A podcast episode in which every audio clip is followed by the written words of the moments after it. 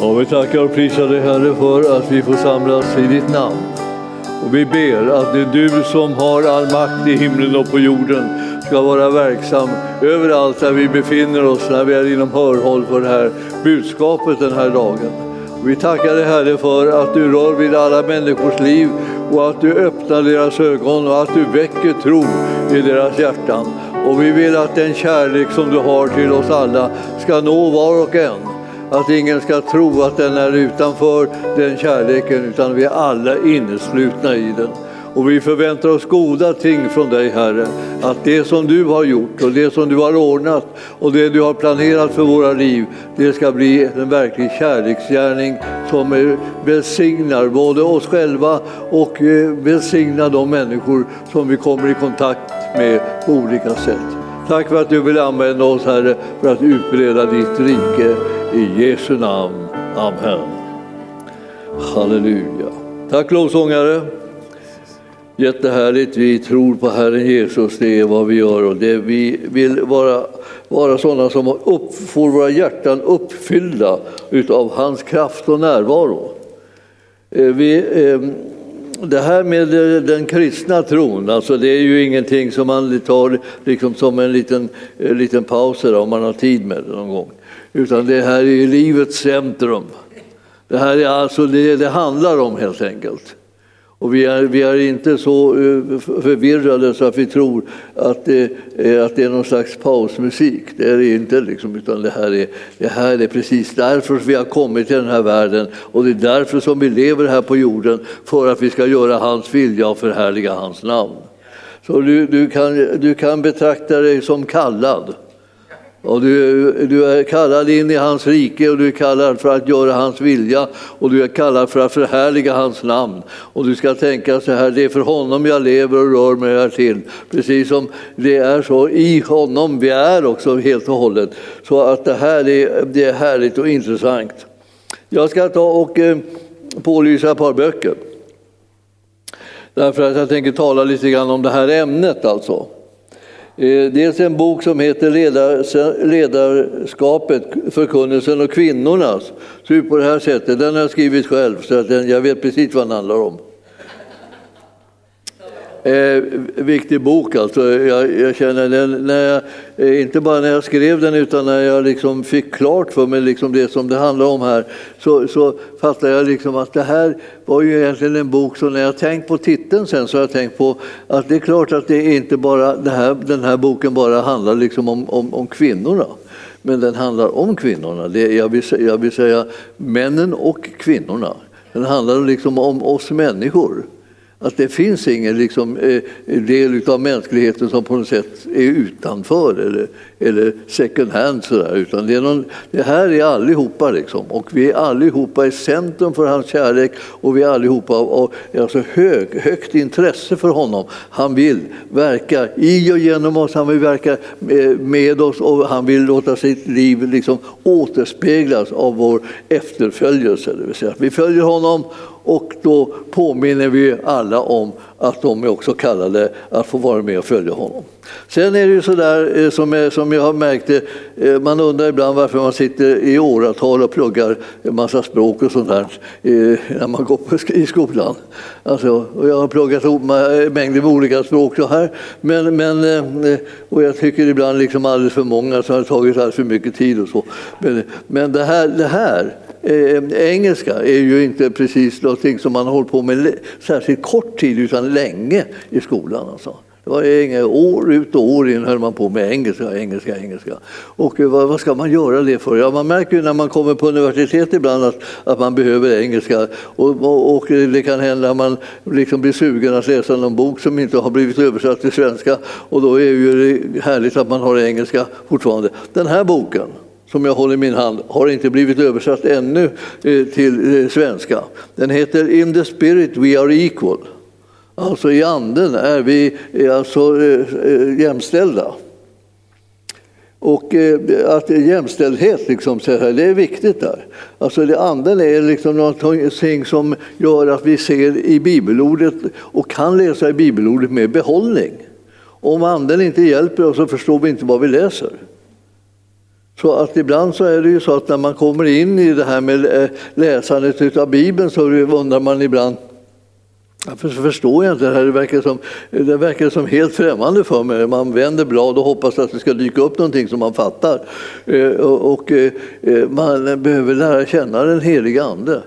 Och så läser man liksom, så att säga, startar man med att lära känna Jesus också.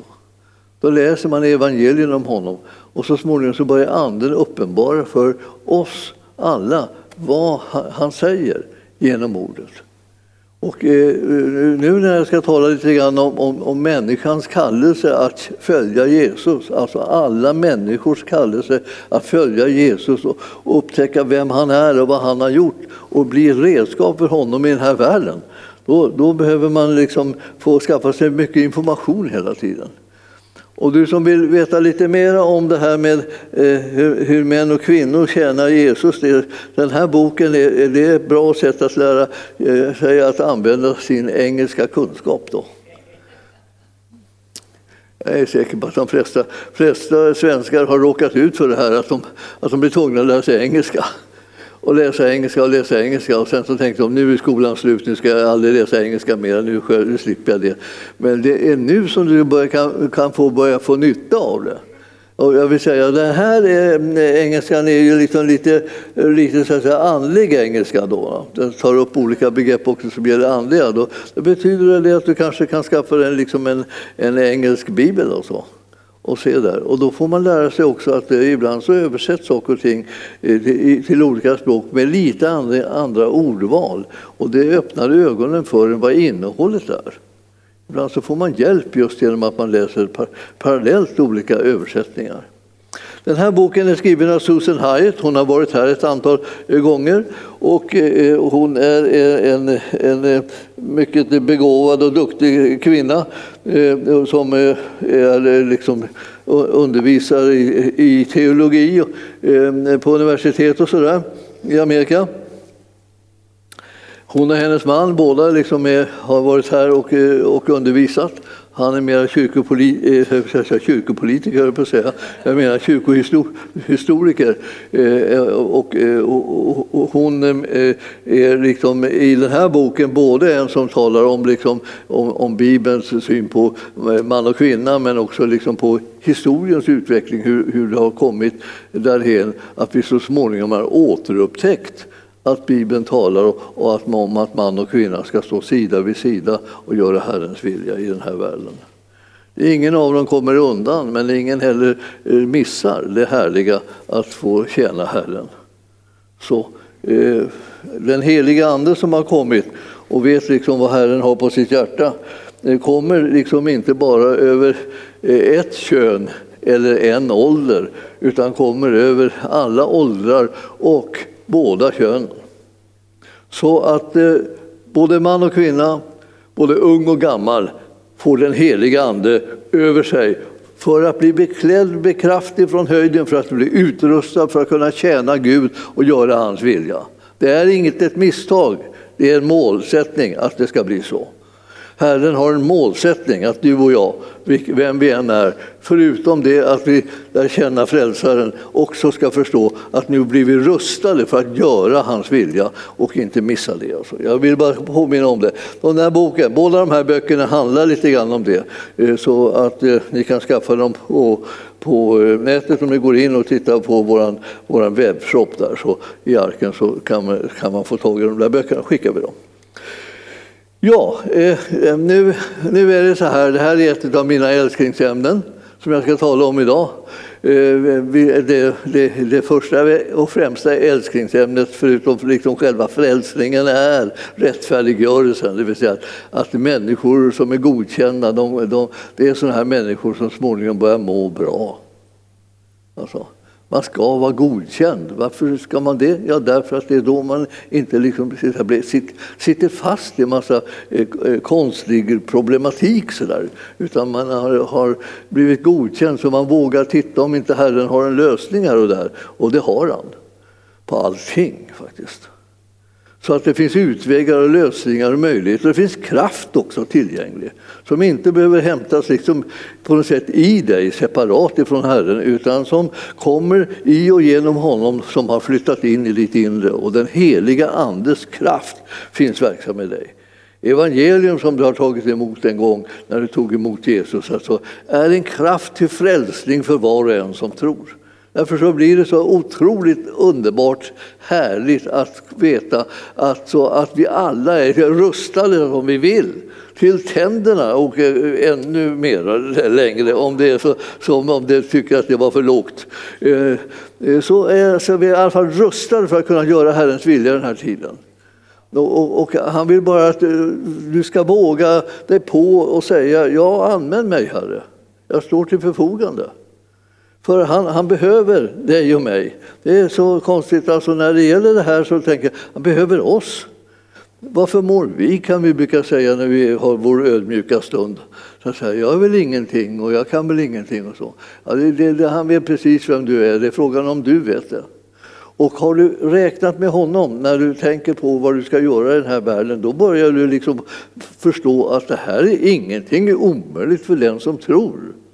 Och du och jag har all anledning att tro att Jesus förmår allting. Så när vi är sådana personer, då börjar vi kunna förstå också att i vilket uppdrag och vilken utmaning vi än får så kommer Herren att vara den som möter oss alla de behoven som vi ska utföra och, liksom, och kommer med sin kraft och bistår oss så att vi kan genomföra och fullborda vårt lopp.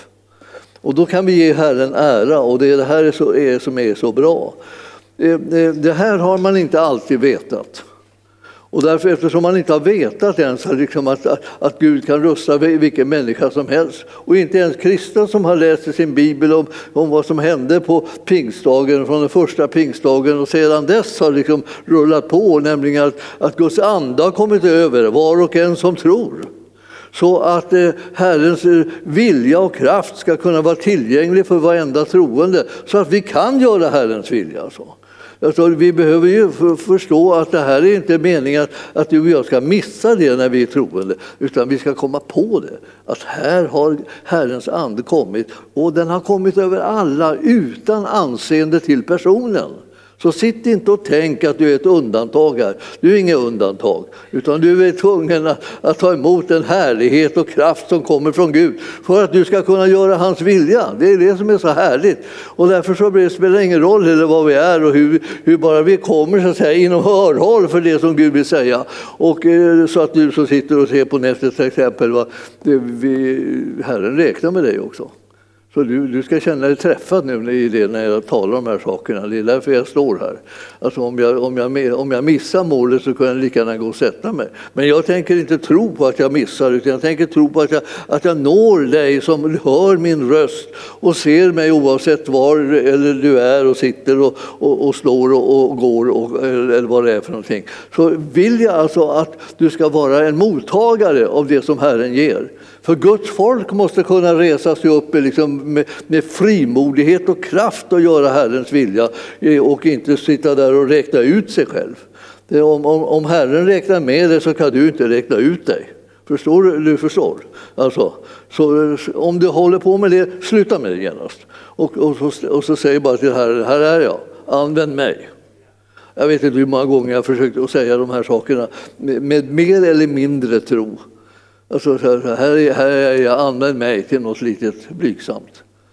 Eh, jag ska inte lägga mig i vad han ska använda mig till. Jag ska bara liksom säga, här är jag, använd mig till vad du vill. Och eh, kan hans kraft räcka för att jag ska kunna göra hans vilja? Svaret är ja.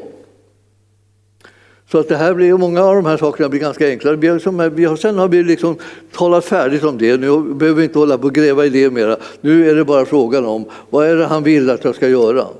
Och hur vill han att jag ska tjäna honom? Ja, eh, på Jesu tid så hade man inte några högre tankar om kvinnor, eh, utom möjligen mammor en moder var, var liksom en, en uppskattad sak för, eh, för alla barnen. Alltså, och alltid man tänkte på sin mamma och, eh, och då blev man alldeles som alldeles rörd. Eh, och, och, det var, och det, det var man fostrad till att man skulle visa respekt för sin mamma. Och mamma hon jobbade i förråd liksom, eller i hemmet och där såg ju barnen det mycket väl. väl då. Eh, eh, männen såg inte det lika mycket eftersom de inte riktigt var där lika mycket. Men, men, eh, men det är ändå så här att skötte hon liksom det där med barnen och, och hemmet så, så, så var han förhållandevis nöjd. Och det här, det, här, det här var ju liksom inte riktigt vad, vad hela tanken var som Herren hade för, för, för män och kvinnor. Vare sig deras relation eller, eller det vad de enskilt var och en skulle göra i Guds rike. Men man visste inte så mycket om det. Så inom judendomen så var ju, var ju kvinnans ställning alltså förhållandevis svag och klen. Och när det gäller det andliga så var hon väldigt liksom vid sidan om det. Hon fick inte del i det andliga livet eller utläggningarna eller informationen eller undervisningen på det sättet som männen fick det. Men eh, Herrens tanke var en annan.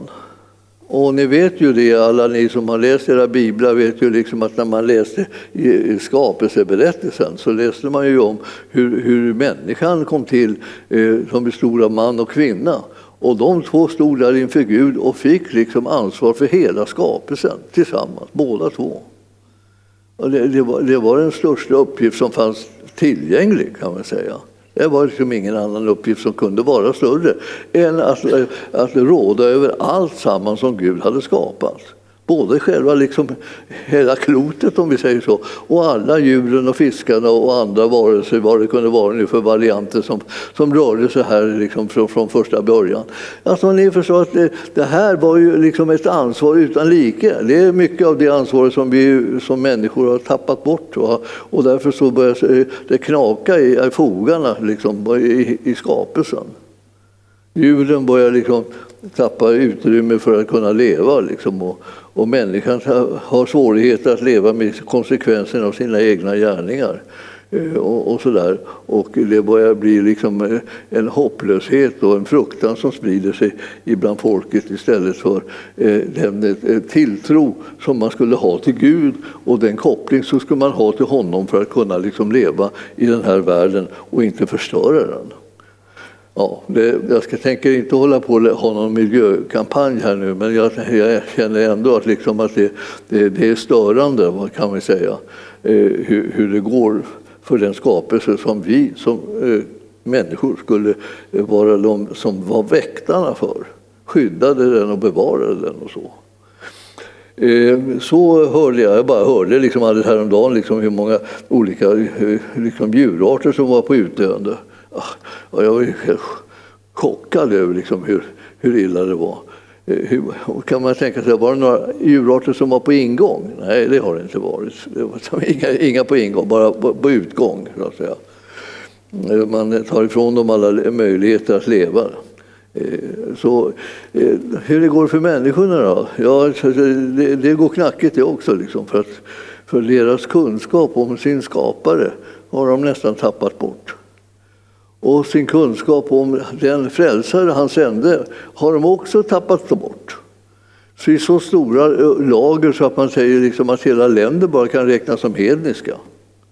Eller förvirrade eller fasta i främmande eh, religioner som mest handlar om onda andar av olika slag som, som håller på att plåga människorna.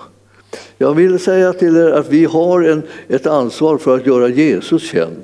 Han är frälsaren.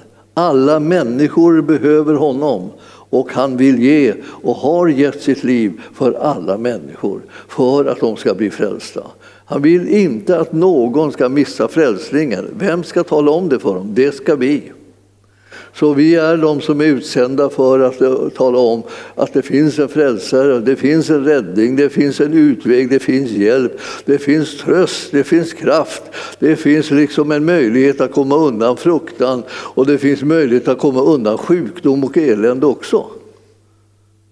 Man tänker, ja men så där kan man inte bara stå och säga. Liksom. Ja, nej, det kan man inte om inte det var så att frälsaren hade sagt något och gjort något. Så hade man ingen anledning att säga något. Då säger man bara det går åt skogen för oss allihopa, det är kört. Men så ligger det inte till sedan frälsaren kom, utan nu har han kommit för att frälsa. för att hela, för att befria, för att upprätta människor. Och han vill liksom att alla ska kunna få tro på det här genom att han, hans namn och hans gärning blir förkunnad bland folken. Och vi är de som öppnar vår röst och, liksom och talar ut de här sakerna eh, som övergår allt förstånd. Det är jättefantastiskt. Och då är det så att säga, halva mänskligheten består ju av kvinnor minst. Det är, liksom också, det är en viktig sak att veta att det finns eh, en stor del av, av mänskligheten som eh, har ett väldigt motstånd i eh, att leva och att tjäna den levande guden. De har väldigt svåra omständigheter för att liksom klara upp det som är deras kallelse och uppdrag. Ibland är de helt totalförbjudna för att liksom gå in i uppgiften och, och, och ibland är de bara så begränsade så att det liksom inte går att fullborda den helt i alla fall. Och därför så behöver man få tro för att man ska kunna ta sig igenom sådana här typer av hinder och sådana här blockeringar som har uppstått i mänskligheten på grund av synd.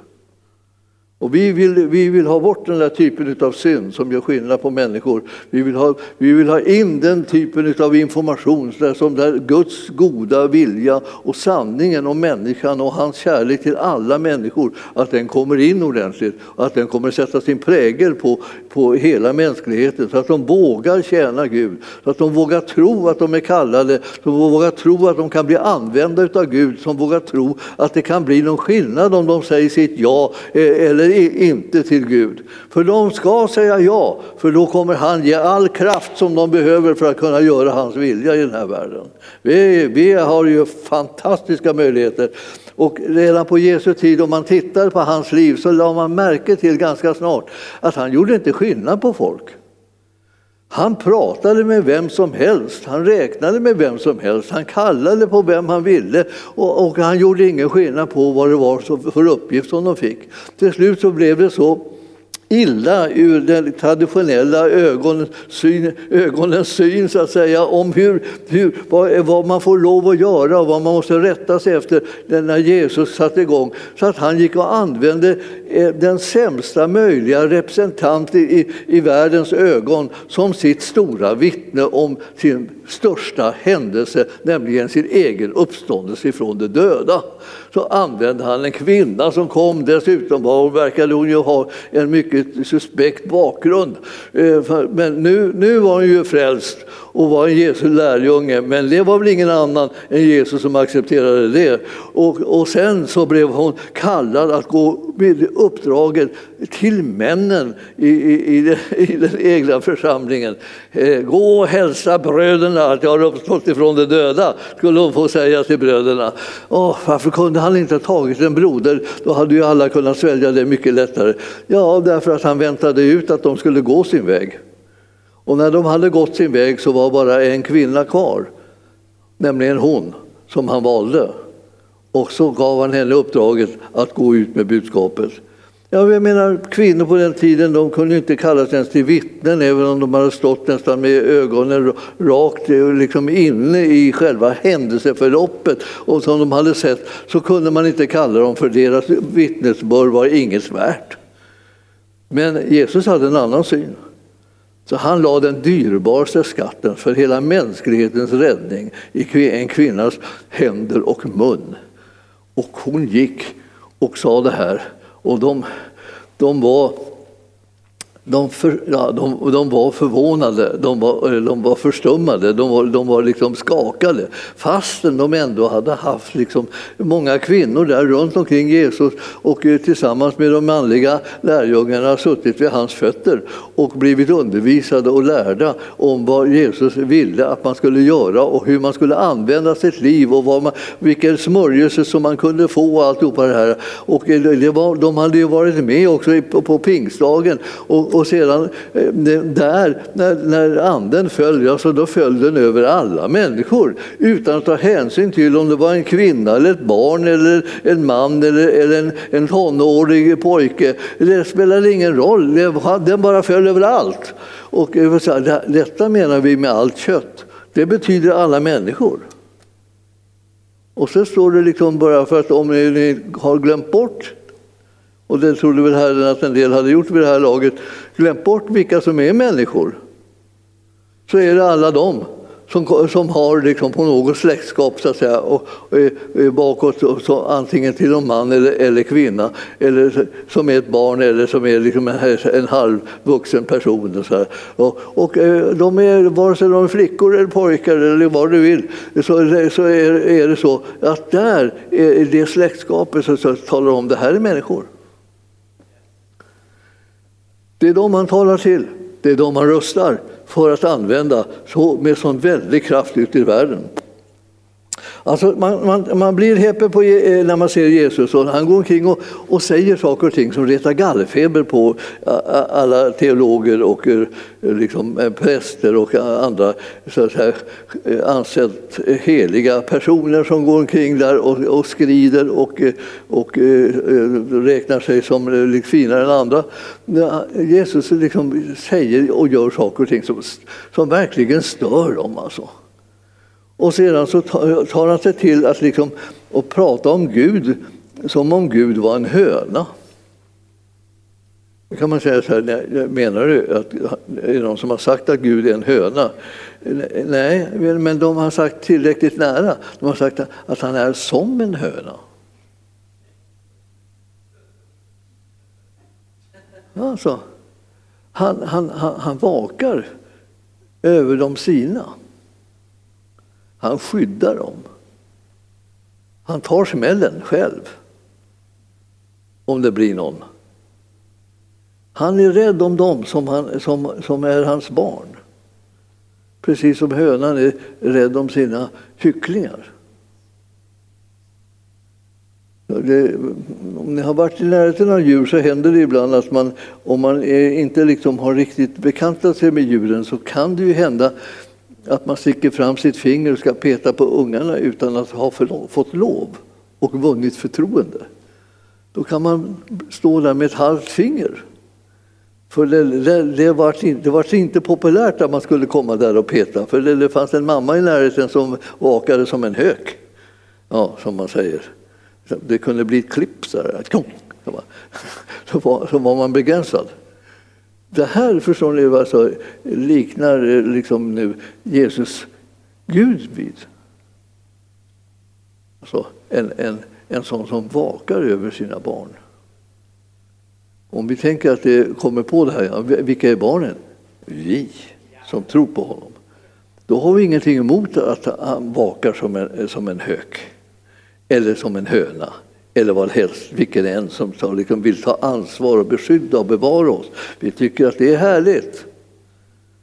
Om vi, om vi var säkra på mera beskydd skulle vi bli betydligt lugnare och veta vad det var vi skulle kunna göra eftersom vi inte var utan skydd i den här världen. Vi är inte utan skydd, utan Herren är vår borg.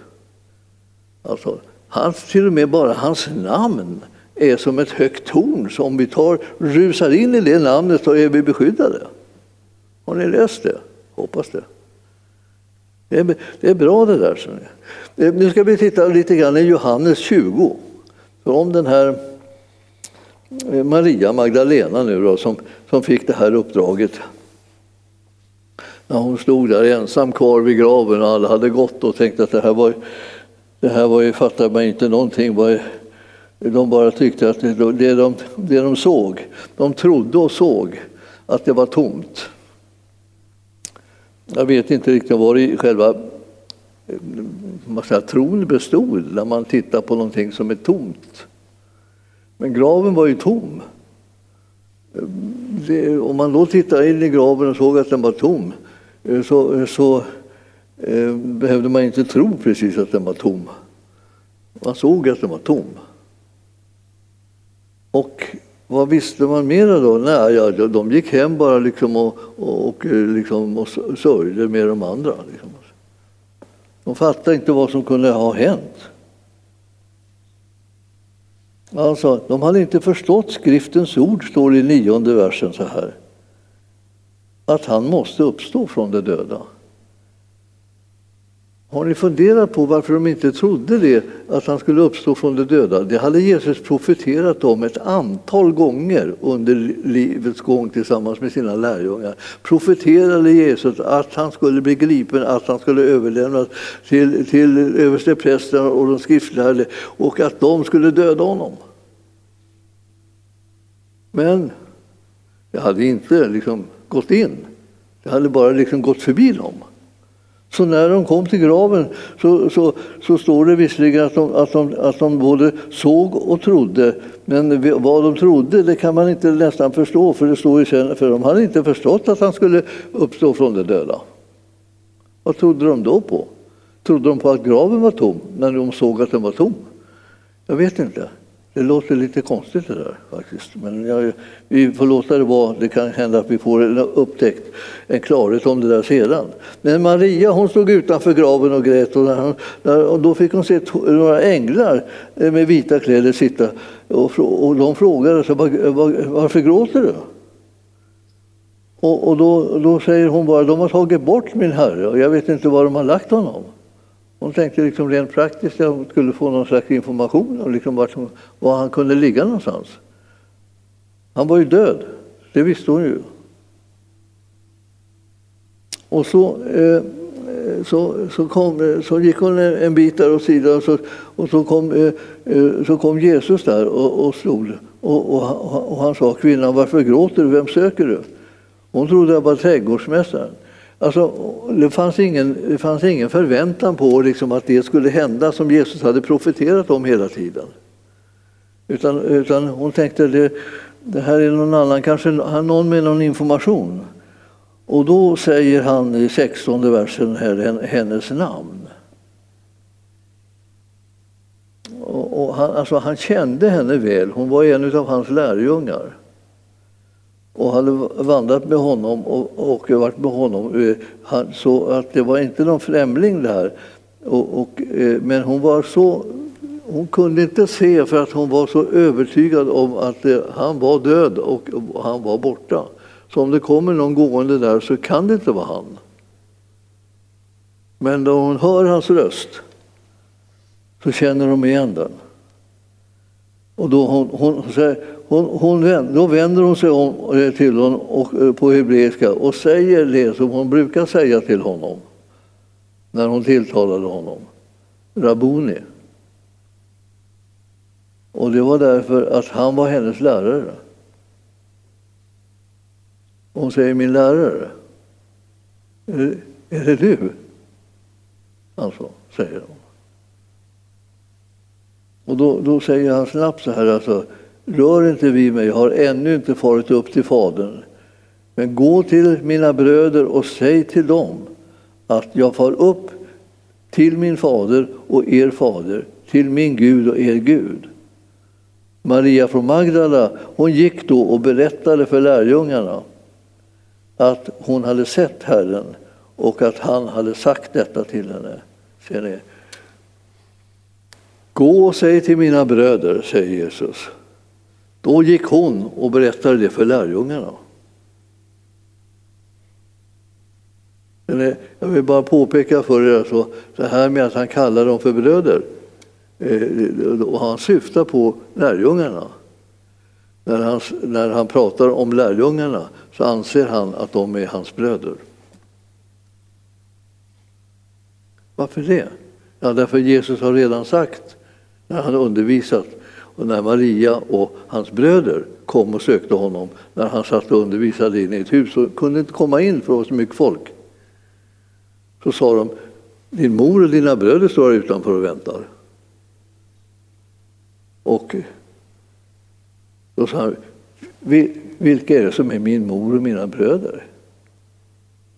Ja, det är de som hör Herrens ord och handlar på det.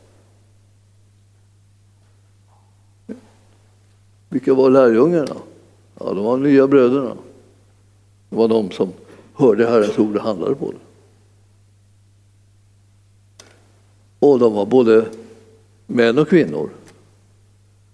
Inte, inte så att, att de bara, bara var män, utan de var både män och kvinnor. Det var både sådär, män och kvinnor som avfärdades som att kunde inte vara hans mor och eh, hans bröder eftersom de inte eh, trodde på ordet och handlade på det när de hörde det.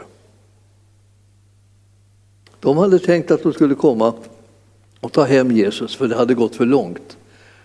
Han, han bråkade, tyckte de, med alla och kom konflikt med de som är styrande och hade ansvaret i, i samhället och hade makten. Och det börjar bli farligt det här. Alltså. Då är det bäst att gå, ta hem honom. Vilka är det som hade sagt det här? Ja, det hade de här religiösa grupper som man hade hört att de hade pratat om att, att, han, att han inte skötte sig, att han gjorde fel. Så de hämtade informationen från de här motståndargrupperna alltså liksom till Jesus och som inte ville acceptera honom. Och så, och så eh, trodde Maria och bröderna på, på det och så gick de för att hämta hem honom. Och då talar han om att jag räknar inte med er så länge som ni inte lyssnar på ordet och tror på det och handlar på det. Hur, hur går det för de här som, som tror på ordet och handlar på det? De räknas som Jesu bröder och systrar, Jesu vänner, eh, Jesu moder och sånt där. Ni förstår, han har en, han har liksom en kvalitetsförväntan på oss att vi som hör ordet ska handla på det i tro för att kunna räknas till hans familj. Men om vi gör det så, säga, så räknas vi allihopa in i hans familj. Så därför ska man säga, eh, när man samlar församlingen så kan man säga att eh, familjen är samlad. Ja. Och du är här och jag är här och vi, vi, vi är allihopa de som vill höra hans ord och handla på det. Och, så. och nu i de här tiderna så spelar, kan vi säga, spelar egentligen inte liksom själva lokalen någon eh, betydelse. För även om man sitter hemma och ser på, ser på den här inspelningen från mötet så, eh, så hör man ju Herrens ord och kan välja att vara bland dem som handlar på det. Så det är bara en tillfällighet som liksom är en liten parentes i det kristna livet och byggandet av Guds församling och Guds rike. Som vi är spridda lite grann nu då. Men avstånden gör inte lärjungar utan det är liksom tron som gör lärjungar på det ord som de, de har hört. Alltså. Och den tron som är levande är den tron som man handlar på. Den andra är liksom en dekoration som man har lagt någonstans eller hängt upp på väggen. Det är ungefär som man tänker ibland, de här, eh, nu tror jag ju att de ofta var liksom djupt kända, de här bibelverserna som man, som man satt och sydde man liksom med, med små korsling eller någonting och så satte man upp dem på väggen så här. Vissa äldre, hemma hos vissa äldre så finns det sådana där kvar fortfarande. Då. Eller om man har det efter farmor och mormor och sådär. Så fanns det sådana där bibelverser på väggen. Det är inte där de ska sitta. Men det gör ju ingenting om de sitter där, bara de sitter i hjärtat också. För det är där de väcker en levande tro. Liksom. Vi, är, vi är ett folk liksom som, som, eh, som måste säga så här, vi behövs allihop. Jesus hade den synpunkten. Och inte bara så här att han, att han tänkte att vi behövs allihop och alla ska göra mäktiga under och alla ska vara jättestora predikanter och sådär. Alltså det fanns alla upp, upptänkliga uppgifter runt omkring Jesus. Inte minst fanns den här fantastiska gruppen som hade, av, av, kvinnor som hade stora rikedomar och som eh, ställde sina eh, rikedomar till Herrens förfogande. Kvinnor gick med honom alltså, och såg till att eh, de hade allt vad de behövde under vandringen. Alla lärjungarna som var med och liksom folk som följde och så här. Så att det var inte alltid så att han mättade dem genom att han gjorde under. Ibland gick de och köpte mat bara. För det fanns folk där som hade eh, pengar tillgängliga för att de skulle kunna köpa mat. Kanske till stora grupper rent av. Därför så var det inte så där jätteovanligt kan hända att eh, Jesus sa så här till lärjungarna, ge ni dem att äta? De kanske hade hört de orden förut, men då visste de kanske att det fanns någonting att, köpa med. Men, men nu, vi, nu verkar det som att eh, vi, vi har väl ingenting. Vi skulle behöva krävas flera hundra denarer för att vi ska kunna köpa någonting. Ja, men, men, det, eh, men han, han i andra kunde säga så här, men prata lite med kvinnorna då. Om de inte har lite resurser med sig. Ja, då skulle man kunna säga ja, det var en bra idé, vi gör det så här. Som vande sig vid att, att kvinnorna hade resurser. De hade någonting som de kunde skjuta till, de kunde rädda upp situationen och sådär. Ja, visst. Och I andra fall så var det liksom män som kunde göra olika saker som behövdes och då var det det som, eh, som eh, liksom, eh, liksom röjde upp det hela så att man kunde fortsätta med det som man höll på med utan att liksom behöva lägga ner det och vänta på liksom att det skulle ske ett, ett nytt under eller så.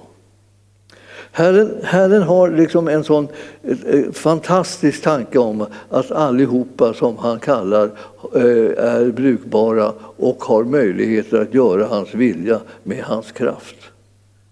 Och jag säger att en församling kan växa hur stor som helst och ha hur många medlemmar som helst som kan göra mest underbara ting om de samordnar sig kring det som är själva den gemensamma kallelsen för att sedan förverkliga den kallelse som de har fått på sitt enskilda liv också. En del tror alltid att det, det ska vara antingen eller. Men jag kan inte förverkliga min kallelse för man måste anpassa sig efter församlingens vision. Jag känner det liksom, prata inte strunt nu. Hitta på saker och ting. Alltså det här är ju så att jag tror att den enskildes vision, när den har kunnat koppla ihop med den övergripande visionen och kallelsen, den, den, eh, den ryms där. Och den kommer faktiskt att bli synlig där också. Ibland går man bara och hittar på någonting, man tycker att man vill bli det och det, man, skulle, man liksom går omkring allmänt önskar det. Men det här handlar om en kallelse från Gud. Han talar om vad han har lagt ner i ditt liv. Han lyfter fram det, han smörjer dig för att du ska kunna gå ut i det. Det är så det liksom fungerar i praktiken. då. Men i Guds församling uppenbaras de här sakerna som du och jag ska göra för att församlingen, Kristi kropp, ska kunna fungera som en helhet. Du förstår att vi samarbetar. Vi behöver både män och kvinnor, unga och gamla, för att det här ska kunna bli verklighet. Så sitt inte liksom och, och tänk att jaha, då går ingenting då, eftersom jag inte får det som jag vill. Det, det, det, det, har aldrig handlat om att du ska få det som du vill. Det har alltid handlat om att det ska gå som Herren vill. Och det är det som är det fina med det här. Nu ska vi se om jag tittar vad klockan är. Då. Jag har bara hållit på en liten stund. Eh, då ska vi se. Det här... Det, det fanns, eh, eh, det fanns en, en en sån konstig kan jag säga, och, och lite annorlunda sätt liksom att, att eh, ge, ge Jesus liksom beröm. De, de, eh, kvinnorna eh, som, som mötte honom sa så här att O, oh, sa de, vilken saligt måste den mor vara eh, som, som har fått eh, föda dig och i vars bröst du har liat. Tänk vad stolt hon ska vara för att ha fått få en sån underbar son, sa och, och, eh, och eh, Herren förstod att det var liksom en komplimang och en vänlighet liksom, uttalad liksom om hans mor och, och, och, om honom själv då, att han var, så, eh, att han var liksom en välsignelse. Och det var ju trevligt att höra att man är till en välsignelse. Men eh, det var ändå så här att det här var inte riktigt, eh, riktigt det som han ville att de skulle säga. Alltså, utan, eh, då, då säger Jesus att alltså, det, här, det, här är, det här är inte det som jag önskar. Utan, eh, att, det var inte bara det att, det, att hon var en, liksom en barnaföderska, eh, hans mamma, som var liksom det fina med henne. Utan det var först och främst att man som är en person, vare sig man är man eller kvinna, hör Herrens röst och gör det som han säger. Det var det som var liksom det äremärket för en människa, inklusive för en kvinna. Alltså att män kanske kunde tänka sig att det ska vara mitt äremärke, men kvinnorna de har inte fått liksom vara med på det hörnet. Men nu säger Jesus att det är så jag ser det. Alltså det gäller också för kvinnorna. Så de ska inte bara behöva tycka, gå omkring där och vara stolta över att de har fått föda en son som var, som, är, som var skötsam eller duktig. Så. Utan, utan det, det, det, det var, var, inte det som var målet. Målet var att, att de själva skulle kunna följa Herren och göra hans vilja och att, att barnen också skulle göra det naturligtvis. Det är, ju, det är ju många som, som har det som mål att deras barn ska bli något alldeles underbart. Sådär. Och det är inte alltid precis blir så precis som man tänker eller vill. Men, men, men det, det man ska göra är att man ska föregå med gott exempel och visa dem var vägen går. För alla har ju i grund och botten ansvar för sitt eget liv och sina egna val. Men man ska inte lämnas okunnig om vad det är som är det viktiga här i världen, nämligen att följa Jesus och bli en Jesu lärjunge. Det ska föräldrar och troende så att säga, lämna som ett arv runt omkring sig hela tiden. Tala om, så här är det. Vi, vi, behöver följa Jesus, vi behöver ge honom ära. Vi behöver älska och tjäna honom. Vi behöver göra det som förhärligar hans, hans väsen och hans person. Och vi behöver tacka och prisa Gud alltid för att han har sänt sin egen son av kärlek till den här världen. Kom ihåg liksom att det här att du, du, du är älskad.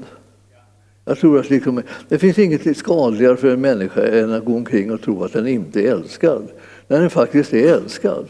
Alltså ni förstår att när det gäller Herren så älskar han alla även när de inte har förtjänat det. Som du tänker så här, mig kan han inte älska. Ja men det kan han, för han kan älska vilken, vilken typ som helst. Om det nu skulle vara en typ.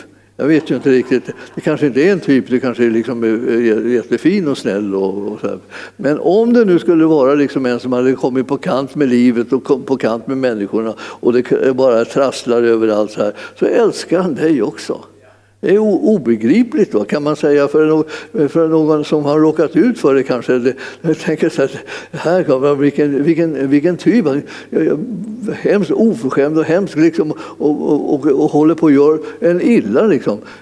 Den kan väl inte Gud älska? Jo, så det kan han. Det lever vi högt på allihopa. Han, älskar, han kan älska vem som helst. Alltså det, det, är ju en kärlek som är oförtjänt. Han går inte kring och letar efter något litet värdefullt korn i dig. Utan han älskar dig och sen tänker han se till att du har all kraft och härlighet från honom närvarande i ditt liv. Det här är, det här är sånt där som, som, som man måste komma ihåg om Gud. Jag, jag tänker ofta så här, hur har Gud kunnat komma i sånt vanrykte när han är så god? Det måste ju bero på oss alltså vi människor, att vi liksom på något sätt inte får till det här och liksom vittna om vilken god Gud vi har. Han är så god så att man blir, man blir alldeles vild när man tänker på hur god han är. Alltså. Det är han är, som älskar dig och mig. Alltså, du ska aldrig någonsin liksom våga dig på att låta bli att räkna in dig i skaran som är älskad av Gud. Ja, men då tänker jag, jag är inte riktigt så troende, jag är inte troende. Ja, men milde han älskar alla människor. Massor med icke troende älskar han. Han älskar dem så det knakar. Hur ska, hur ska de få reda på det? Ja, de måste höra om det. Det, är någon som, liksom, som känner Herren som säger så, sån är han alltså. Vi kan inte stoppa honom. Han bara älskar det ändå. Han älskar det ändå. Ja, men jag har varit så här och så här. Ja, det var så, jag, jag, jag måste ju säga det. Eh, en gång i, i, i tiden så, så satt jag i ett fängelse med, med en man som hade mördat en, en kvinna. Så. Och vi satt där och pratade lite grann och så. Han var han var väldigt liksom, vad ska jag säga, låst och märklig. Alltså så.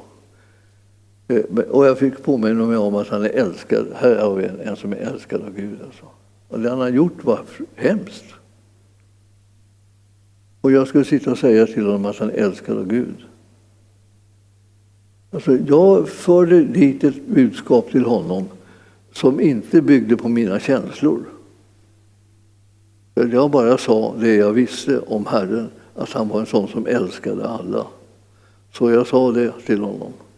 Och så sa jag så här, du förstår du, när han älskar så här mycket, ska du passa på nu då? Jag sitter här och påminner dig om någonting som du tycker nästan är otroligt, att ta emot honom. Och du vet att den här mannen sa, han sa bara, ja, hur gör man? Jag sa vi, vi, vi faller på knä. Vi satt inne i en liten, liksom en liten garderob, såg det nästan ut som med ett litet bord emellan och så var det så lysrör i taket. Och sen var det alldeles kallt. Och så föll vi på knä där vid det där bordet. Liksom. Så nu är du efter mig bara. Och så bad vi frälsningsböner. Han inbjöd Jesus i sitt hjärta. Och, liksom, och, och, sen, och sedan så, eh, sa vi amen till det här. Och eh, så sa jag till honom, vet du vad som har hänt nu? Eh, ja, jag är väl frälst. Nej, sa jag, du är frälst. Det är inte väl frälst, du är frälst. Du har sagt ja tack till det som Jesus ville göra för dig och nu är du frälst. Din synd är förlåten. Och jag har, han var liksom så här, oj då, jag visste inte vad han skulle säga för uttryck. För det var så baxnande konstigt för honom. Och det var det för mig med. Jag har aldrig tänkt på liksom hur generöst eh, eh frälsningserbjudandet var förrän den dagen. Jag tyckte att det var det, det, var det, det var det mest generösa erbjudande jag någonsin har liksom eh, förmedlat till någon. Alltid har de varit lite skötsamma, lite vänliga, lite ja, godhjärtade sådär, på något sätt ibland i alla fall. Eh, och, och hjälpsamma eller någonting. Så att man kunde förstå liksom att det, Herren ville vara vänlig mot dem. Men, men den här mannen alltså, han, han har liksom verkligen nått en slags botten liksom, och har förstört allting. Han var plötsligt liksom den som var älskad av Gud och räddad och, och nu hade himlen som sin arvedel. Ja, jag ska säga att himlen kommer vara en upplevelse för många av oss. Alltså. Vi kommer möta alla möjliga typer där som vi tänkte eh, att vi aldrig skulle möta. Och kanske de också kommer att bli överraskade när de möter oss. Det beror, det beror lite grann på hur vi till äventyrs har framstått i den här världen. Och vi ska försöka vara lika Jesus. Men det kommer liksom genom att man, att man prisar och tackar honom för hans underbara gärning. Så börjar kärleken liksom få ett grepp i livet och börjar kunna sprida, sprida sig och sprida sitt underbara sken också. Förstås. Ja, jag ska inte eh, hålla med, hålla, hålla, hålla med så mycket, hålla på så mycket nu till, utan jag ska bara säga det att läs gärna det här med, om Maria från Magdala. Det, det, det är häpnadsväckande. Och det är så underbart att en kvinna med den bakgrunden och den situationen ändå kunde bli en lärjunge. Och hon är precis som Maria ni vet, eh, från Betania som, eh, som gick och valde den goda delen och slog sig ner vid Jesu fötter. Och hela genom kyrkohistorien så har man liksom har försökt att, eh, att förklara det som att hon svimmade. Hon kom där och så var Jesus så liksom helig så att hon bara föll ihop liksom, man bara hängde på hans här vid fötterna. Ungefär som om det varit en olyckshändelse där man skulle ringa efter ambulansen eller något. Men det var ju alltså inte alls utan det var, det var ju det att att sitta vid någons fötter var att bli någons lärjunge. Och Paulus han var ganska stolt över att han hade suttit vid Gamaliels fötter. Men ännu stoltare var han ju över att han hade suttit vid Jesu fötter också efter hans uppståndelse. Så han mötte Herren Jesus och blev undervisad av honom efter uppståndelsen. Det där att sitta vid någons fötter, det var, det var en stor ära. Det var läraren som bestämde om den skulle ha någon en person vid sina fötter. Man fick inte bara kliva in och sätta sig där om man inte blev godkänd. Och hon blev godkänd. Jesus säger ja, hon har tagit, valt den här delen och ingen ska ta det ifrån henne, inte ens jag sa han om, om Maria i Betania. Och där satt hon. Och sen följde hon honom på vägen. Och den andra systern valde en annan väg. Att serva dem, serva liksom dem när de var där på besöket. Det var ju många som kom då och det var mycket jobb med det också. Man har olika typer av uppgifter. Och vi, vi, vi, är inte här för att liksom, liksom bedöma de uppgifternas värde utan vi är bara här för att ta vara på det som vi själva har blivit kallade till så att vi kan ge Jesus ära med de gåvor som han har gett oss. Vare sig du är man eller kvinna, ung eller gammal, är du alltså kallad att säga ja tack till frälsningserbjudandet och ja tack till utrustningen i den heliga Ande. Så att du kan vara med och bygga upp Kristi kropp. Och det här gör vi ihop tillsammans med varandra i Guds församling. Och det är inte liksom någon enmansgrej utan det är liksom vi allihopa tillsammans. Eh, vi är lemmar i hans kropp och vi ska förhärliga hans namn. Och det gör vi liksom vare sig vi liksom ser varandra just ansikte mot ansikte som i nutiden då är vi lite spridda men vi, sedan så dras vi samman därför att vi vill förenas i honom för att vara tillsammans med honom och vara tillsammans med varandra. Och eh, snart kommer den tiden, vi kallar på den i bön och vi ropar efter att Herrens vilja ska ske, att eh, församlingen ska kunna församlas igen och att vi då har växt med många, många som nu sitter liksom där och tittar men inte har varit här ännu.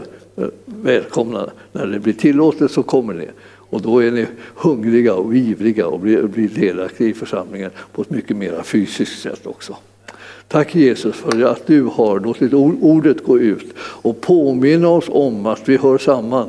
Vare sig vi är unga eller gamla, män eller kvinnor, vi hör alla samman som lemmar i din kropp. Och vi vill göra din vilja och vi vill bygga upp ditt rike och vi vill förhärliga ditt namn. Och vi tackar dig Herre för att du ska använda oss och att vi ska få tro på alla de möjligheter som du har.